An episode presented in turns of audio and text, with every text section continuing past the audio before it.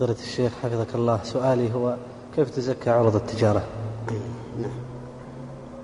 عروض التجارة هي الأموال التي أعدها الإنسان للتجارة.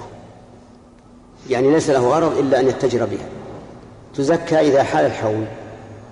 قدرت قيمتها بما تساوي وقت حلول الزكاة. سواء كانت مثل ما اشتراه أو أقل أكثر فمثلا لو كان عند الإنسان أرض اشتراها للتجارة.